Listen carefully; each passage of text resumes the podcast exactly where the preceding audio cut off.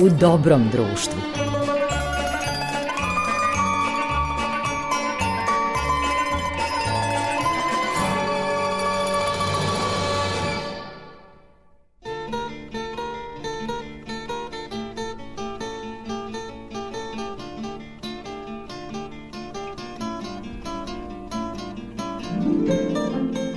Dobroveče, dobrodošli u Dobro društvo. Slušate, kao i svakog petka, emisiju U dobrom društvu koja pred mikrofon Radio Novog Sada dovodi zanimljive ličnosti od kojih možete što šta interesantnog i poučnog da čujete.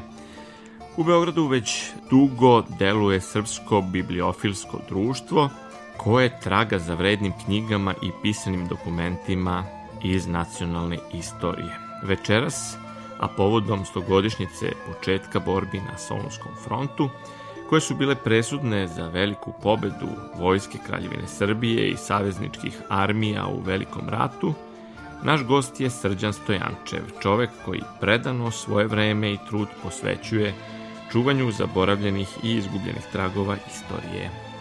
Posebna zanimljivost vezana za ime ovog jedinstvenog čoveka – je njegovo otkriće nikada štampane pesme Vladislava Petkovića Disa, za koju se verovalo da je zauvek izgubljena. Večerašnji razgovor posvećujemo junacima Velikog rata, ali i piscima i pesnicima koji su tragične i slavne dane ovekovečili za buduća pokolenja.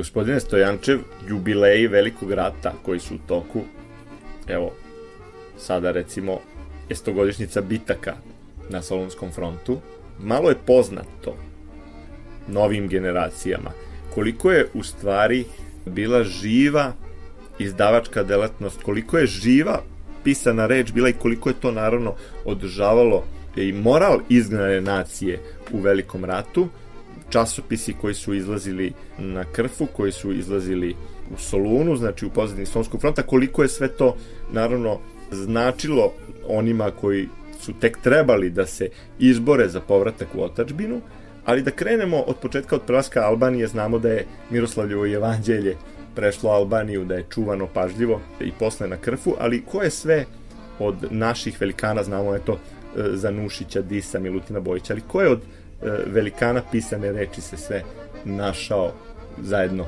sa državom u izgnanstvu. Uopšte je poznato da prvi svetski rat i srpska albanska Golgota je uticala u svakom slučaju presudno na našu književnost i na naše prozni pisce i pesnike, priprevadači i dranske pisce. E, mogu samo da kažem da jedan mali broj naših književnika je ostao u okupiranoj Srbiji.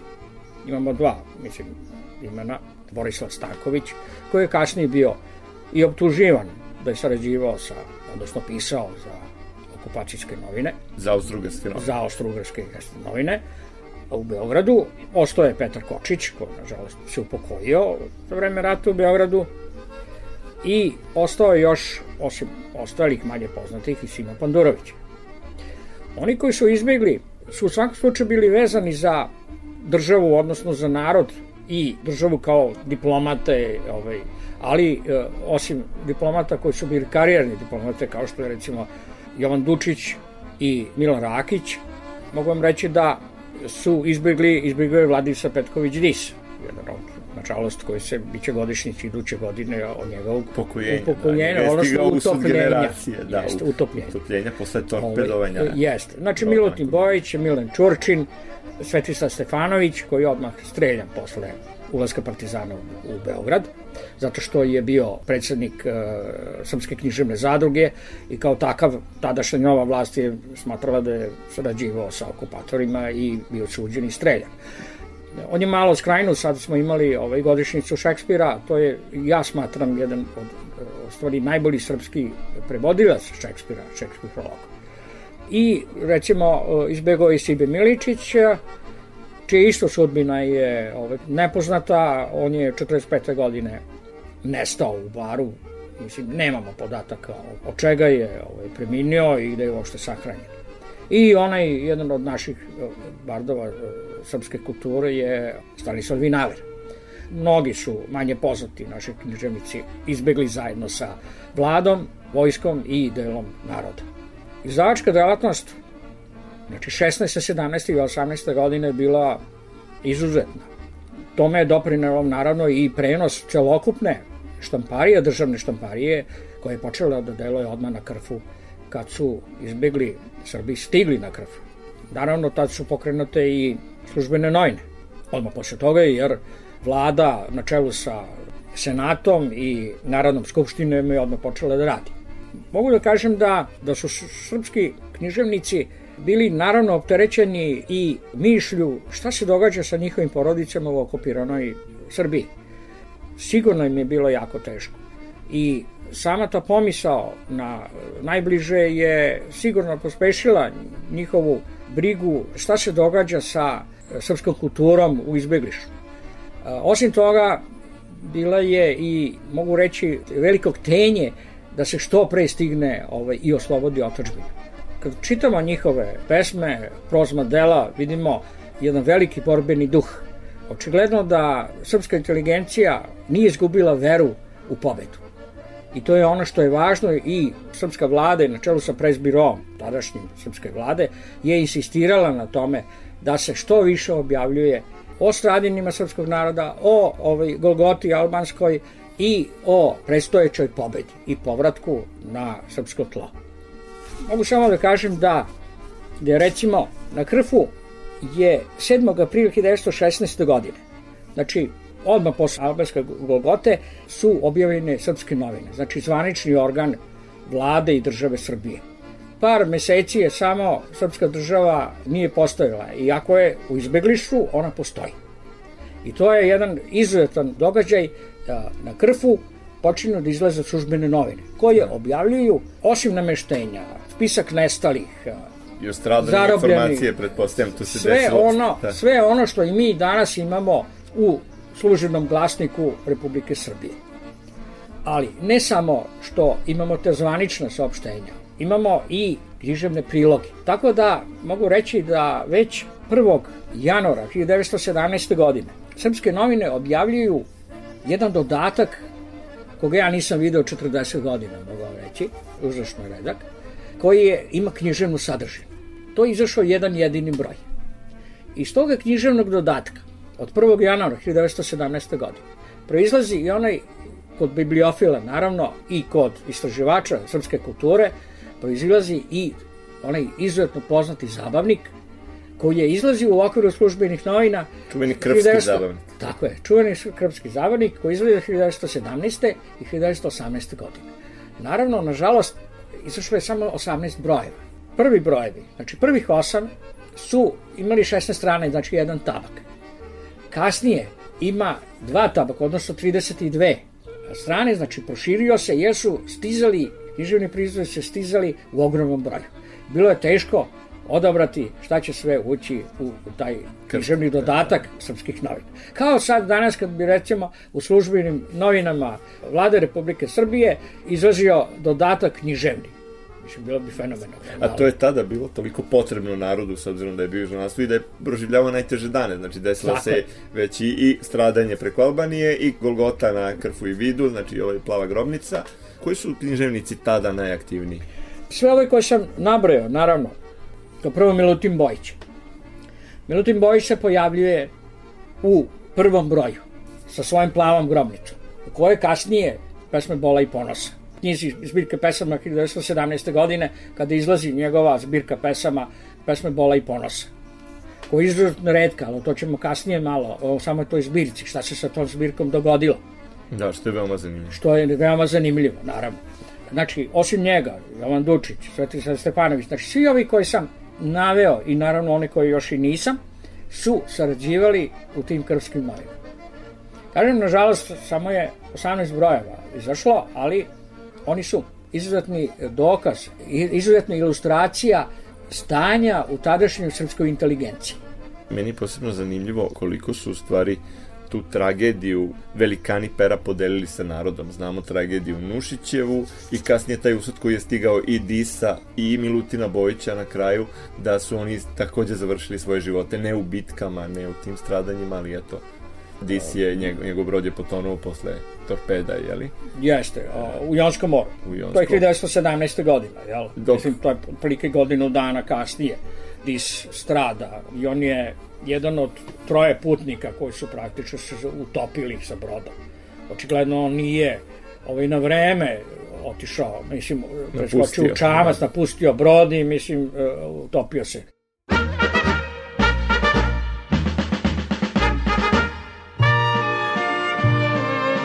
Kapetan koča putuje, putuje, kapetan koča putuje.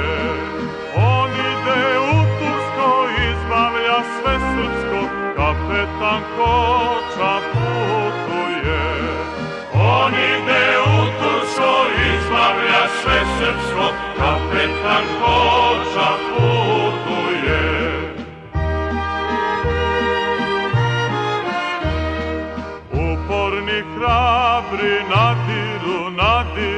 Srbiju zemlju osvajaju. Njih vode junaci, koča i miša, vojvoda Stepa na čelu svih. Njih vode junaci, koča i miša, vojvoda Stepa na čelu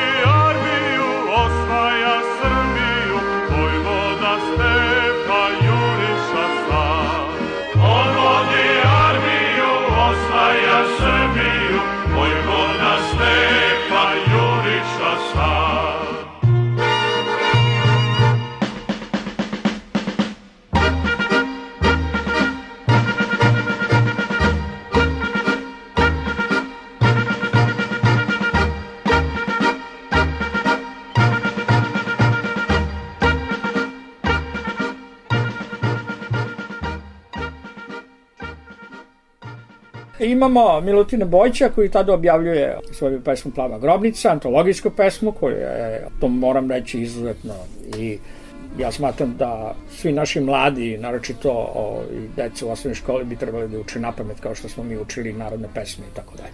Da li oni to rade ili ne, ja to ne znam. Ali do sada ne prevaziđena Ne plava grobnica koja na najbolji način Apsolutno. oslikava događaj bolje nego bilo koji dokument. Tako je.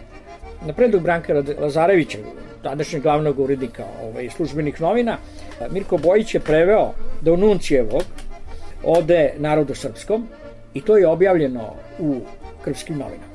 I ne samo Gabriela Denuncija ode srpskom narodu, nego je preveo i Edmona, od Edmona Ros- Rostana, Kralj Petrova četiri vola, poznata, mislim, to, to, to, Čuvena pesma. čuvena, jeste, oda.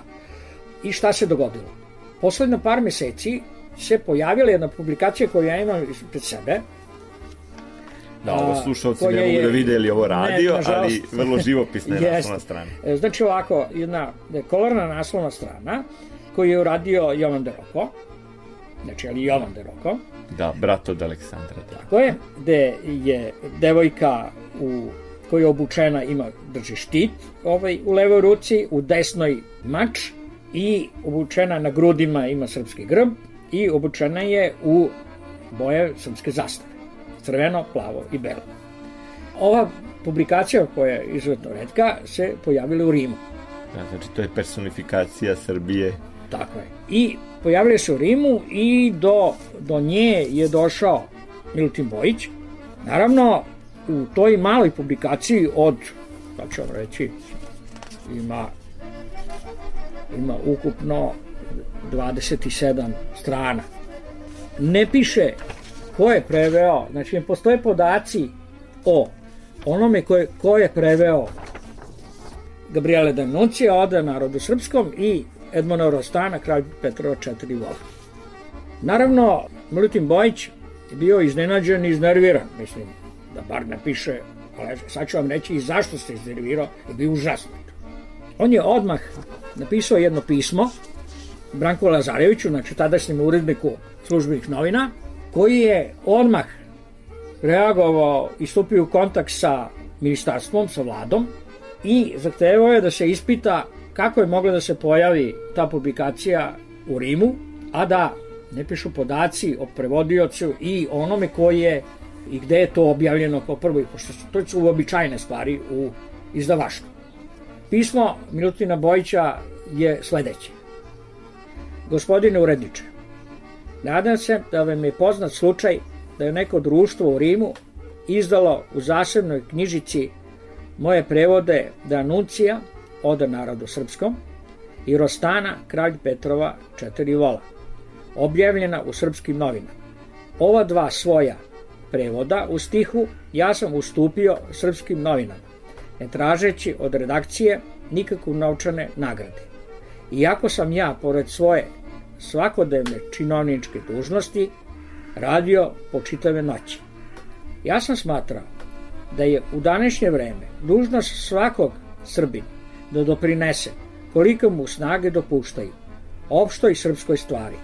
Utoliko pre što sam za oba prevoda umoljen od strane gospodina šefa ratnog prezbirova. Dopustio sam ratnom prezbirovu besplatno, razume se, da prvi od ova dva prevoda preštampa u zasebnoj knjižici i da je besplatno razda srpskoj vojsci. Samo da, da dodam da je znači deo toga je razdato srpskoj vojsci štampano knjižica srpskoj vojsci na, na frontu, znači u rovu. I e, mogu da vam kažem za ovih 40 godina, koliko se ja bavim proučavanjem i pronalaženjem i istraživanjem srpskog izdavaštva, ne samo naravno u Prvom svetskom ratu, nikad je nisam video. Naravno, ovaj Milutin Bojić nastavlja pismo. No, danas uviđam da izvesni ljudi kojima je malo šta što nisu na vojnoj dužnosti, nego sede u inostranstvu, traže da u najtežim trenucima potačbinu, stvarajući sebi jeftine distrakcije, zarađuju na lak način novac. Stoga vas molim, gospodine uredniče, da izvolite ispitati koje je to društvo, željno novca, izdalo ove prevode, ne stavljajući čak ni da su preštampani iz srpskih novina, ne izjavljujući ni da su to učinili po odobrenju ma koje vojne ili administrativne vlasti srpske države. Dakle, to je jedno lepo pismo koje sve oslikava. Naravno, u- Tanje i tada uvek u društvu. Da. Znači imamo i u to najgore vreme po srpsku državu, srpski narod, tako nekih sitnih, bih mogao reći, sopstveničkih ovih tenja, da se dođe do, do nekih... A toga je bilo dosta i o tome i Archibald Rice je Jeste, od toga, jeste. Mislim, e, I od počeo, jeli, od Pašića psina, pa i do mnogih drugih koji su se sklanjali od rata, a pravili sebi neke finansijsko-poslovne kombinacije ili, ili stranačke. jeste. Znači, to je jedan, moramo i to da kažemo. Da, vrlo, vrlo zanimljiv dokument je ovo pismo. Ovaj, imamo i.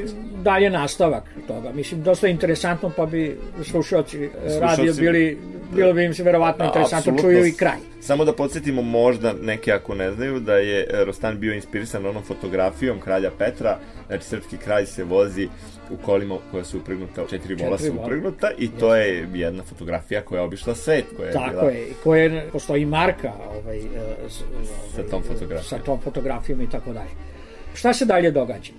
Naravno, Branko Lazarević, urednik srpskih novina i šef predbiroa, ratnog predbiroa, sprovodi 13. jula Bojićevu molbu i šalje znači, molbu Ministarstvu prosvete kako bi se po toj stvari sprovela istraga. Traži. Posle prepiske sa poslanstvo Kraljine Srbije u Rimu, Ministarstvo prosvete obaveštava državnu štampariju, naravno, a štamparija je urednika srpskih novina, Branko Lazarević. Navodim, jedan izvod kratki, da je prevedene pesme Bojićeve izdao u zasobnoj knjižici. Gospodin Dani- Danilo A. Živaljević, književnik, publicista, koji je za vreme Prvog svetskog rata boravio u Italiji kao delegat srpske vlade za izbeglice. I onda obrt. U kom smislu? Znači, Danilo Živaljević je lični prijatelj Milutina Bojića. I Milutić Bojić iz pijeteta prema tom prijateljstvu, koje je možda nastavljeno, ali sigurno i nije, Ali imalo je jednu mrlju. jeste imali jednu mrlju, Kako to obično ovaj, među prekida, prekida svoje zahteve i ta afera se nema, zaustavlja. se zaustavlja, nema, mislim, nema, Nema nema, nikakav pozitivan ili negativan kraj. A nažalost Milutin Bojić nije mnogo posle i Nije posle poživio, nažalost.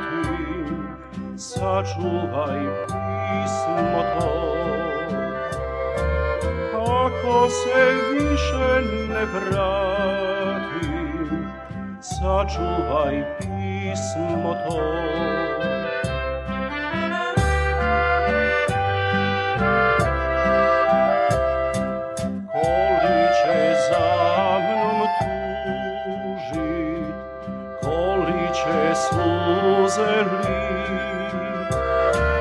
količe na mom grobu beo cvet posadi. Količe na mom grobu beo cvet posadi.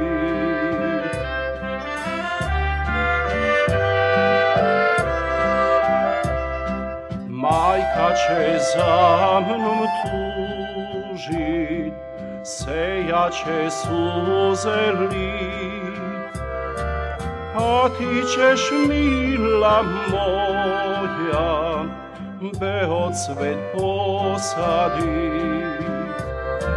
A ti ćeš mila moja beocvet posadit.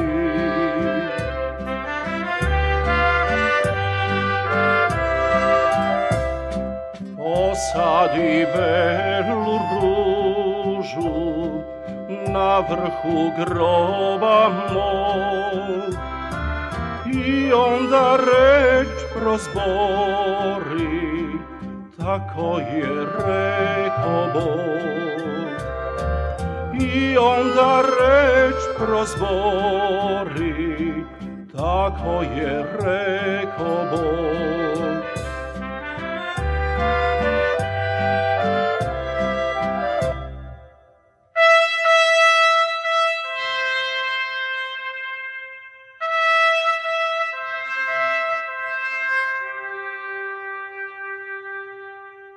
Vraćamo se na, na knjigu zbirke pesama, pesme Pola i ponosa, koju isto imamo, imamo ovde. To je jedna bela knjiga sa belim omotom, brošu. Dole piše M. Bojić, znači Milutin Bojić, crvenim slovima na sredini naslovne korice pesme Bola i ponosa i dole u pri dnu Solun, štamparija Akvarone, 1917. Eto, mogli bismo da pronađemo i adresu te štamparije, možda i na Da, gde se tačno nalazila. ši- jeste. Znači, od 1. marta 1917. godine Milutin Bojić je na dužnosti u Solunu, pre toga je bilo, naravno, bio na krfu. 6. juna 1917. daju štampu svoju drugu zbirku pesama, znači ovo o čemu smo pričali, pesme Bole i ponosa, u kojoj se nalazi 34 odabrane pesme i sve su te pesme objavljene u izgnanstvu. Znači, on ih sada skuplja na jedno mesto i objavljuje zbirku pesama. Na primjerku, na jednom primjerku te njegove zbirke pesama, on je napisao svom e, bracu Radivoju sledeće. Mome dragom radu, sa željom da što bre budemo u našoj lepoj otačbini, gde će se raditi sa više volje, manje bola, a mnogo ponosa. Tvoj Mile, 28. juna 1917. Solun. To je u godini u kojoj će i napustiti ovaj svet. Tako je. Ali vi vidite iz te posvete koliko Milutin Bojić misli o budućnosti. Misli o budućnosti otačbine, misli o budućnosti naroda i ono što kaže mnogo bola za izgubljene bližnje prijatelje, a kaže se mnogo ponosa po pobede. Mogu samo da kažem da je ta zbirka pesama izuzetno redka, a reći on sada i zašto. Ja imam jedan jedini primerak sam uspio da obavim za, za svih ovih decenija. Ministarstvo unutrašnjih dela šalje 19. juna 1917. godine u Marselj komisaru za izbeglice Aleksandru Vidoviću, osim ostalih nekih izdanja i 50 primjeraka ove zbirke pesama Milutina Bojića. Da se deo proda, a da se deo pokloni našim mladim ljudima koji su po gimnazijama po Francuskoj. Zašto je to važno? Znači, znamo da, je, da se Milutin Bojić žalio da ide loše prodaje u Solunu. I ovaj, imao je mali broj primjeraka kod sebe. Ovih 50 primjeraka imamo po arhivskom materijalu da je otišlo za Francusku. Zašto to kažem? I zašto je ovo redko? 18. avgusta izbio strahoviti požar u Solunu. Da, čuveni požar kada je izgorilo dve trećine grada. Tako je. I izgorela je kompletna štamparija zajedno sa, sa skoro celim tiražem zbirke pesama Milutina Bojića, pesme Bola i ponosa. Tako da je originalno izdanje 1917. godine Solunsko izuzetno redko u bibliofilskom smislu. Naravno.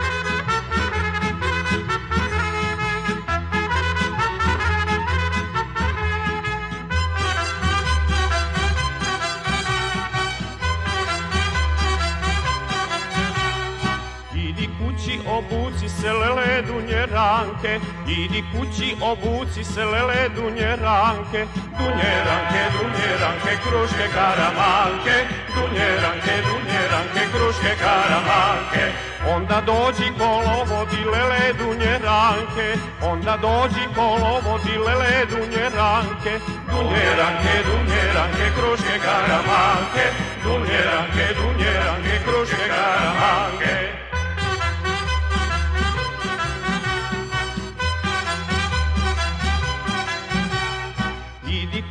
očešljaj se lele dunje ranke. Idi kući, očešljaj se lele dunje ranke. Dunje ranke, dunje ranke, kruške karamanke Dunje ranke, dunje ranke, kruške karamanke Onda dođi kolovodi lele dunje ranke. Onda dođi kolovodi lele dunje ranke. Dunje ranke, dunje ranke, kruške karamanke Dunje ranke, dunje ranke, kruške karamanke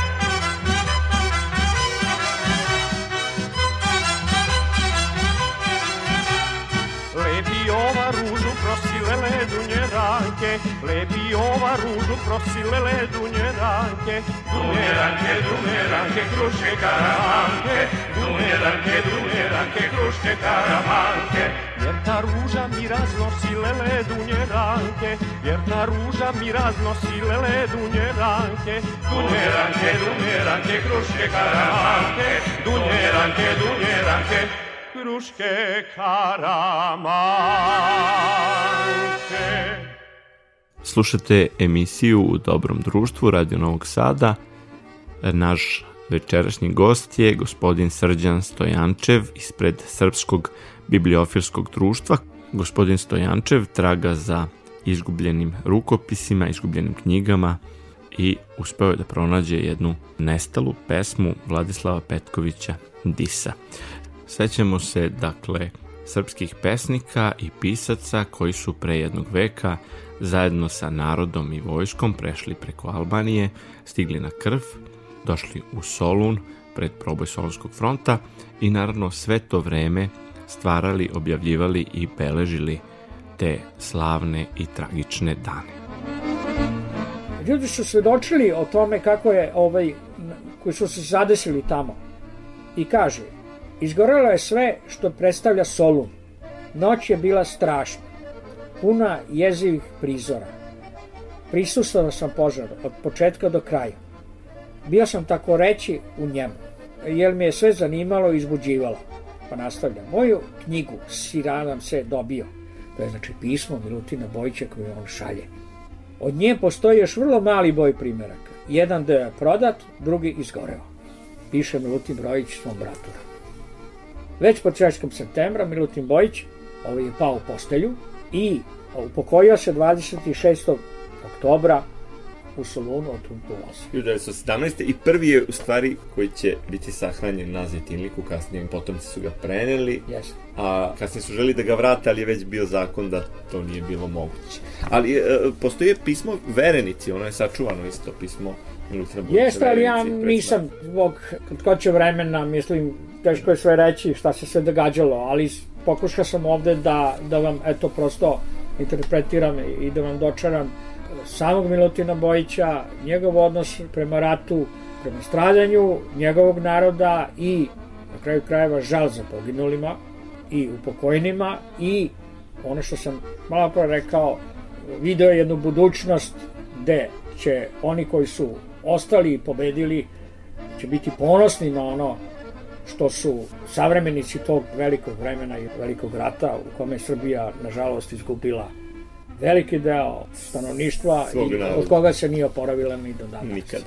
Interesantno je da uvek kada slušamo stihove plave grobnice i vidimo koliko je u stvari on to do, duboko doživeo, koliko je već tada odjeknula plava grobnica. Već su je govorili glumci, kažu da je Voja Jovanović u Solonskoj jednoj kafani recitovao Jeste. plavu grobnicu. Koliko je Ona tada je- već ona bila popularna? Uh, morate, da- ono što smo sad pomenuli, jel, ono je objavljeno odmah početkom 1917. godine, u januaru mesecu.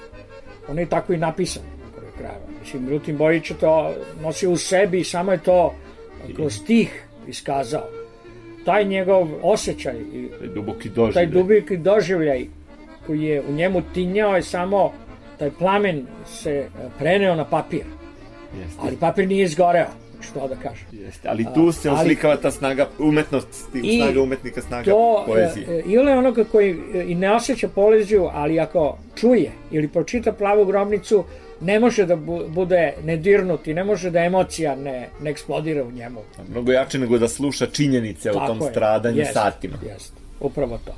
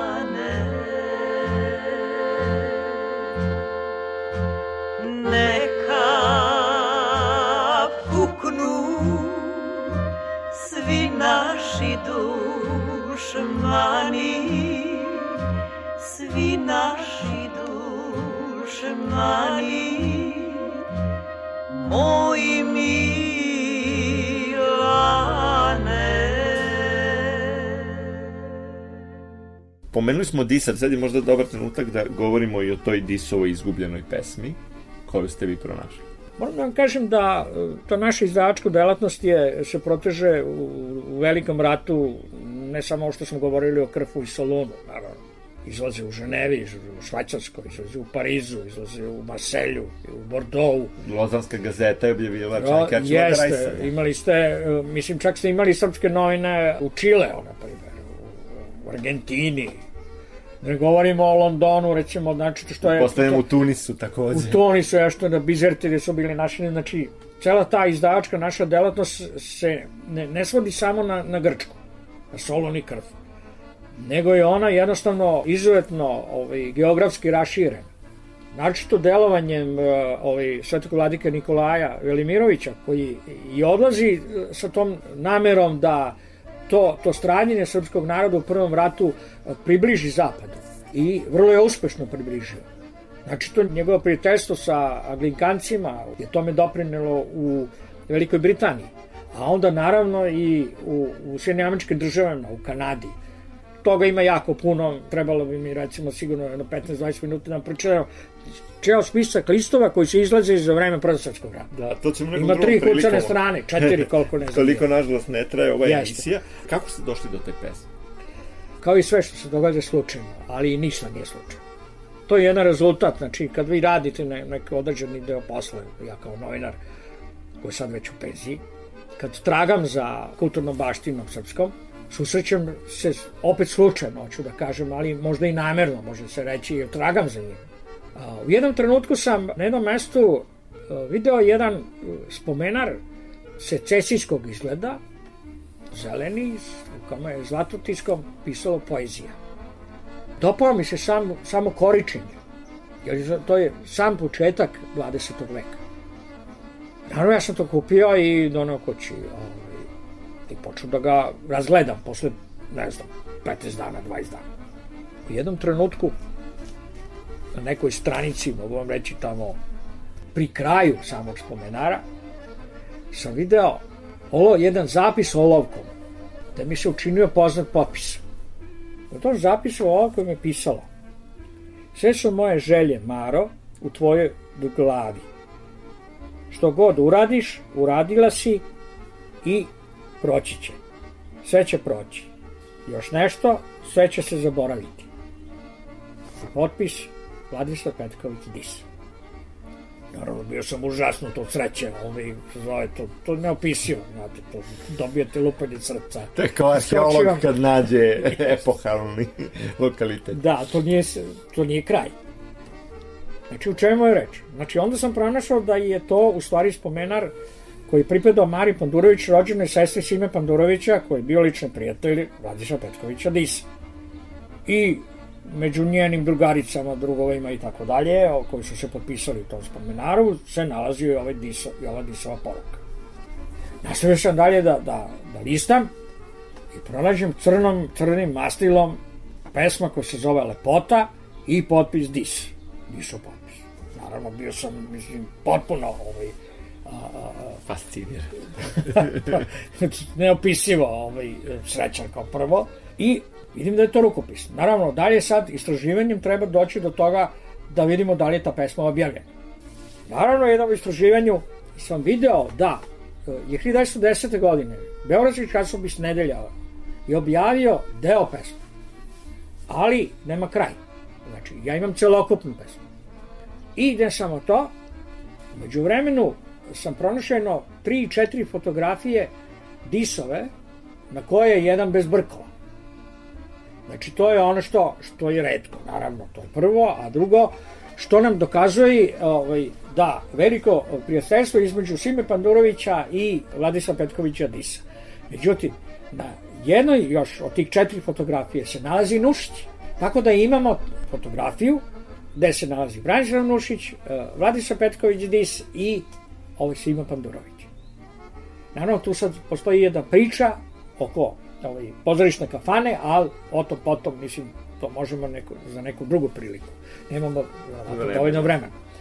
Naravno, tu pesmu, koja je kom, sad kompletna, sa originalnim naslovom, i sam rukopis će se naći i u izdanju Srpskog bibliofijskog društva u oči sajma knjiga, koji će izaći u oči sajma knjiga, zvaće se najpesme Vladislava Petkovića Disa i javnost će prvi put moći da, da vidi u tom izdanju kompletnu pesmu zajedno sa rukopisom Disovim, koja se zove Lepota, i e, moći će da vidi priloge tih redkih fotografija, odnosno još uvek neobjavljenih fotografija našeg jednog od najznačajnijih pesnika s početka 20. veka što je zaista e, Jeste. najbolje I, moguća i stvar reći, koja može povodom stogodišnjice da se objavi. Tako je.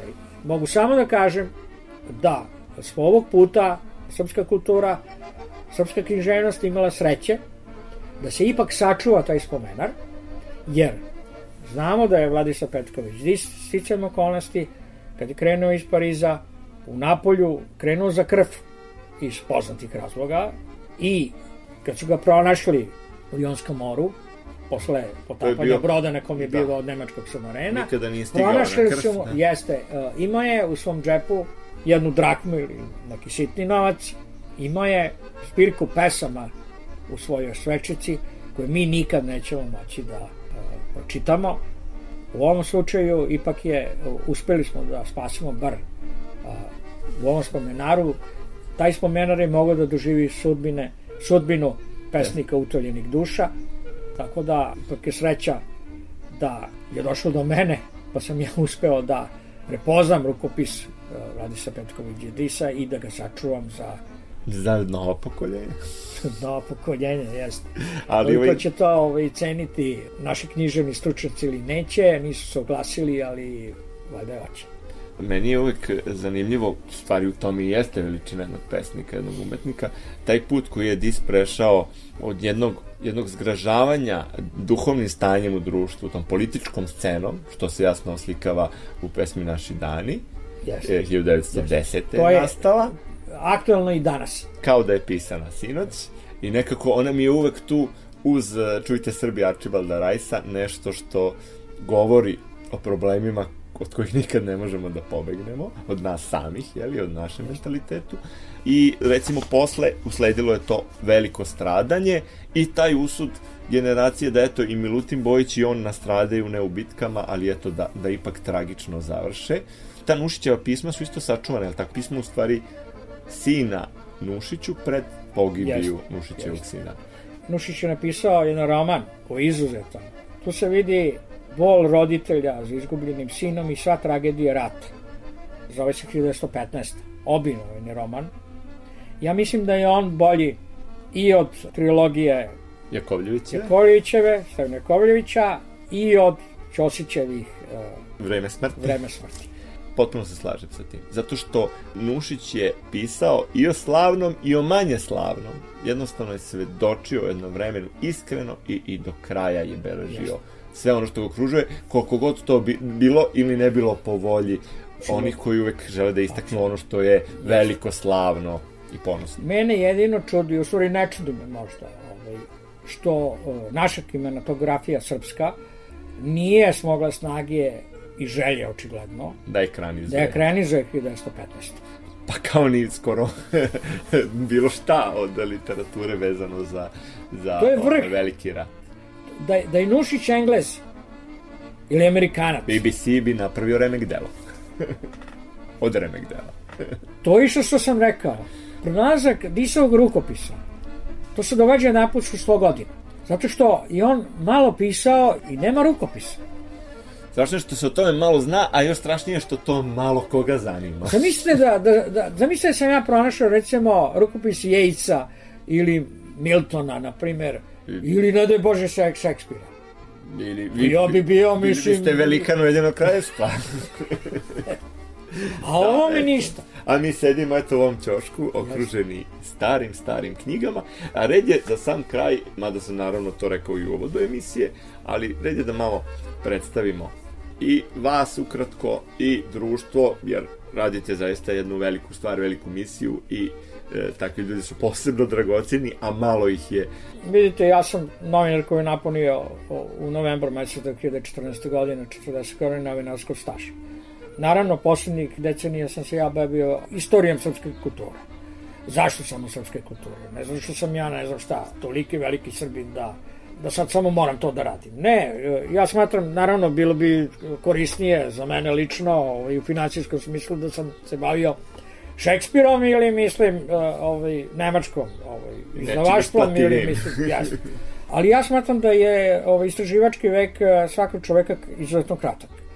I da, da on treba taj svoj vek istraživački i svoje htenje istraživačkog i energiju oko istraživanja da posveti uh, svom narodu, naročito što ne očekujem da Nemci proučavaju srpsku kulturu celog života, mada postoji Nemci koji su se time bavili, naravno, ali mislim da je naša dužnost da mi otkrivamo i da čuvamo i da vodimo brigu o našoj pokretnoj kulturnoj baštini. Prevashodno je naša dužnost. Jel? Srpsko bibliografsko društvo je osnovano 2002. godine još. Naravno, mi se zovemo Srpsko bibliografsko društvo, ovaj, ne Evropsko ovaj, bibliografsko društvo, što nemamo ništa protiv. Mi nemamo, nažalost, nemamo u bivšoj Jugoslaviji slična društva, nisu osnovana jednostavno. Ne postoji Hrvatsko bibliografsko društvo, ne postoji Slovenačko, postoji kod Nemaca, Engleza i Amerikanaca.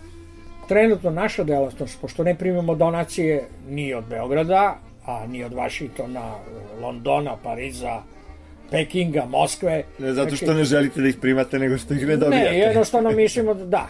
I imamo svoju izdavačku delatnost koja je skromna, ali je recimo uvek u nekoj funkciji. Odnosno u funkciji da mi svojim izdavačkom delatnošću uvek otkrivamo nešto. To nije ponavljanje nekih ovaj, uobičajenih, nego uvek u našim izdanjima imate eh, Značajan neko povod. otkriće. Neko otkriće. Tako da. je.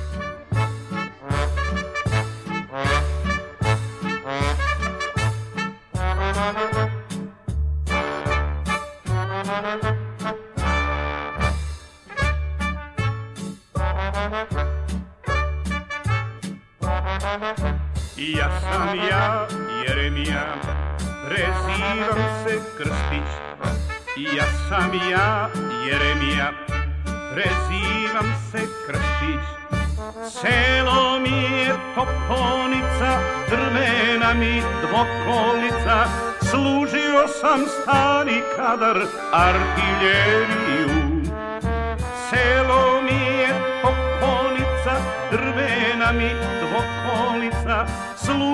sam stari kadar artiljeriju. Selo mi je toponica, drvena mi dvokolica, služio sam stari kadar artiljeriju.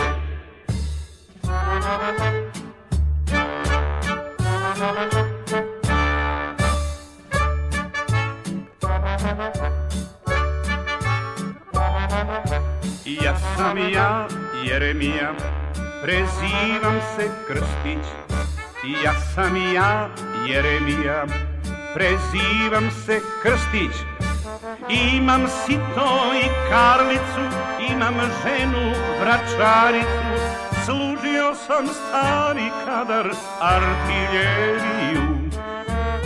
Imam sito i karlicu, imam ženu, vračaricu, sam stari kadar artiljeriju Imam sito i kravicu, imam ženu vračaricu, služio sam stari kadar artiljeriju.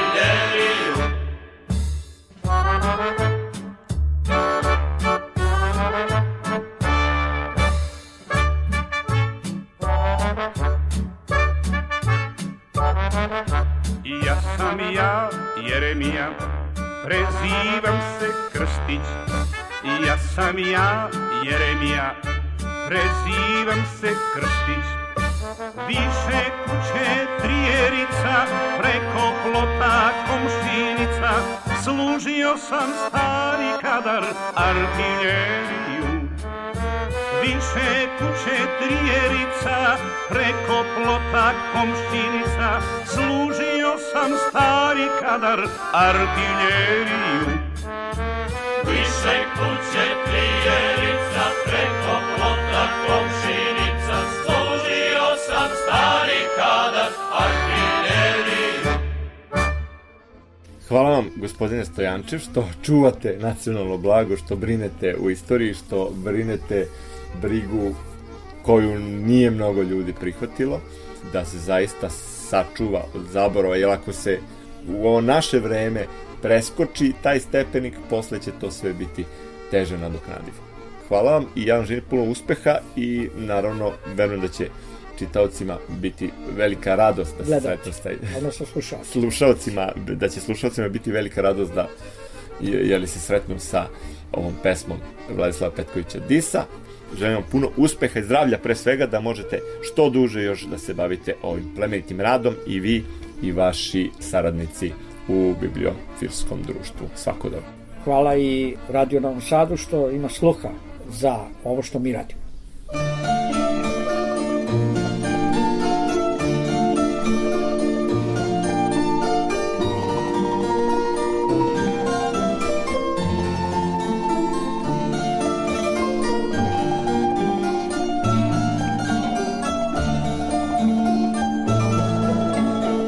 Slušali ste emisiju U dobrom društvu u kojoj nas je gospodin Srđan Stojančev iz Srpskog bibliofilskog društva podsjetio na slavne i tragične dane Velikog rata i književno stvaralaštvo koje su svedoci tih dana ostavili potonjim generacijama.